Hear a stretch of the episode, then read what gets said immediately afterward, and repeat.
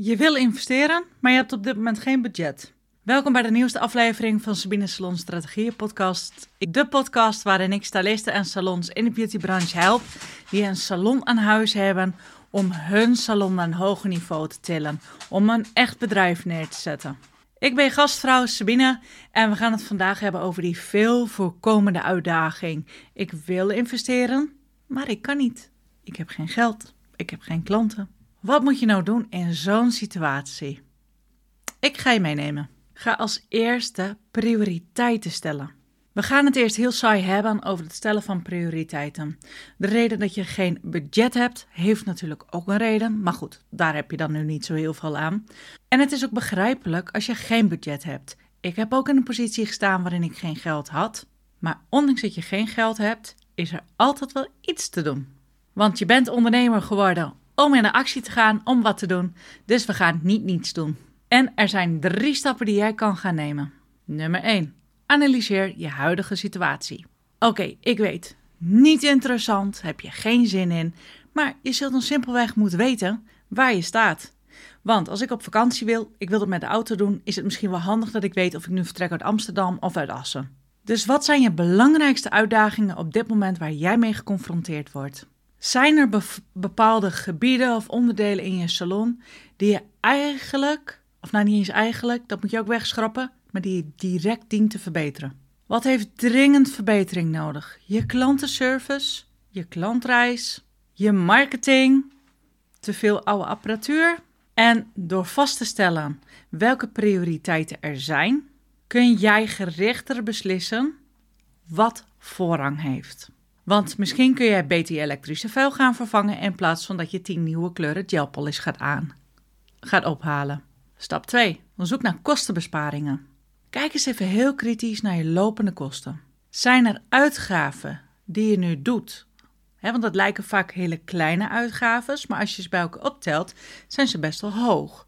Wat zou je kunnen reduceren? Wat kan je elimineren zonder dat het de kwaliteit van jouw diensten gaat beïnvloeden? Als je even heel eerlijk kijkt, wat heb jij echt niet nodig om die dienst uit te voeren? Misschien kan jij wel overschakelen naar zuinigere leveranciers. Misschien uh, op bijvoorbeeld je kosten. Misschien kan je betere deals gaan onderhandelen. En ook dit kan al financiële ruimte geven om te kunnen gaan investeren. Nummer 3. Kijk naar alternatieve manieren om te financieren. Soms moet je even buiten je huidige situatie gaan kijken hoe je eventueel op een andere manier de boel nog zou kunnen gaan financieren. Je kan gaan kijken voor een lening, waar ik totaal geen voorstander van ben. Maar goed, soms kun je beter bijvoorbeeld 1000 euro investeren, waarvan je dan weet van oké, maar dit heb ik op x termijn weer terugverdiend. En dat mag niet over een te lange termijn zijn, maar echt op de korte termijn bijvoorbeeld. Misschien crowdfunding. En misschien kan je mensen zelfs bereid vinden die bijvoorbeeld in jou willen investeren. Maar je zou natuurlijk ook als je salon niet zo heel goed loopt en je denkt, ja, ik heb het geld niet binnen, ik zou wel willen, ik wil een salon. Je kunt natuurlijk ook mensen gaan schoonmaken of iets anders gaan doen. Zorg ervoor dat je even goed nadenkt over je salonbusinessplan.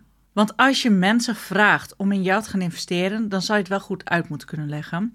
En dan is het niet voldoende als je zegt: Hoi, ik ben Sabine, ik wil een salon starten aan huis met heel weinig kosten en ik weet zeker dat het een succes gaat worden dan denkt iedereen ook, ehm, ja. Dus denk even na over je plan en hoe je dat gaat presenteren. Het tweede stuk, wat heel makkelijk is om naar te kijken, is het doen van slimme investeringen. Dus ik heb al gezegd dat je prioriteiten moet gaan stellen, maar slim investeren is ook handig. Gewoon random op de Bonnefoy van alles nog wat kopen, denken als je 300 kleuren gel polish hebt dat mensen vanzelf voorkomen. Zo werkt het niet helemaal. Dus zelfs als je budget beperkt is, moet je heel kritisch kijken welke slimme investeringen jij gaat doen. Ik ga je even meenemen in drie ideeën. Nummer 1. Nummer 1. Training en opleiding. Een van de beste investeringen die je kan doen is natuurlijk altijd in jezelf. Dus het zelf met je business of eventueel je personeel of echt op persoonlijk vlak. Want het kan ook zijn dat jij de oorzaak bent dat je niet groeit. En dan bedoel ik niet qua opvang, maar ik bedoel natuurlijk in je salon. Dus ga kijken welke vaardigheden en kennis jij nog nodig hebt. Maak het duidelijk. Wat heb jij echt nodig? Van wie zou je dat dan nodig hebben? Dit leidt dan weer tot dienstverbetering, betere productaanbod, hogere kwaliteit, hogere klanttevredenheid. En uiteindelijk ook naar meer omzet. Nummer 2. Kijk naar je marketing en promotie. Soms is het de moeite waard om een klein deel te reserveren voor marketing en promotie. En dat kan helpen om klanten aan te trekken en je omzet te gaan verhogen. Overweeg eens iets waarin je wel investeert, waarin je dus je kosten gaat verhogen, maar wat wel een effectieve marketingsmethode is. Kijk ook naar je social media. Verhoog je bereik en je zichtbaarheid. Doe het wel slim. Want gewoon posten om het posten, dat heeft geen zin. Tenminste, het enige wat je oplevert is frustratie. Nummer 3. Kijk eens naar je technologie. Als je salon verouderde apparatuur heeft, werkt dat niet zo heel efficiënt, is het niet fijn en het is niet betrouwbaar. Zeker als je achterloopt op technologische gebied, lopen de klanten geheid op een gegeven moment bij je weg. Ze kijken heel veel social media, dus ze zijn echt wel op de hoogte van wat er allemaal in de markt aangeboden wordt. Bovendien kan moderne apparatuur, als je daarin investeert, investeert in je business en je klant ziet dat, vindt zij ook fijn. Want als je het er allemaal maar een beetje bij laat, dan denken de klanten ook: ja, ik ga wel kijken bij een ander. Die wel echt passie voor haar vak heeft. En met moderne apparatuur en software van deze tijd verbeter je ook nog een keer de klantervaring. En ik wil even afsluiten met deze quote: Als je doet wat je deed, dan krijg je wat je had. Ik ga hem even langzaam herhalen en anders moet je terugspoelen.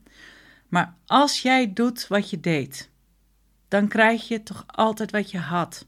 Als je altijd hetzelfde in je giegel stopt, val je niet af. Als je anders wil, zul je ook moeten veranderen in je acties en in je gedrag. En denk je nu, geen idee waar ik het in moet zoeken? Je weet me te vinden, stuur gewoon even een DM. Bedankt voor het luisteren naar Sabine Salon Strategieën podcast. Super tof als je me even support door mij te volgen of de aflevering gewoon lekker te liken of te abonneren. Elk social media kanaal heeft een andere manier, maar je weet het vast wel te vinden. En onthoud alsjeblieft ook dat het super normaal is hè, dat je financiële uitdagingen hebt. Als jij het nu moeilijk vindt om 100 euro te investeren en het is straks makkelijker, dan is het straks weer moeilijker om 1000 euro te investeren. En dan is dat op een gegeven moment weer makkelijk en dan wordt het weer lastig om 10.000 euro te investeren. En dan wordt dat op een gegeven moment weer makkelijk. Dus des te meer je groeit, kom je elke keer op een ander niveau, worden de uitdagingen ook anders.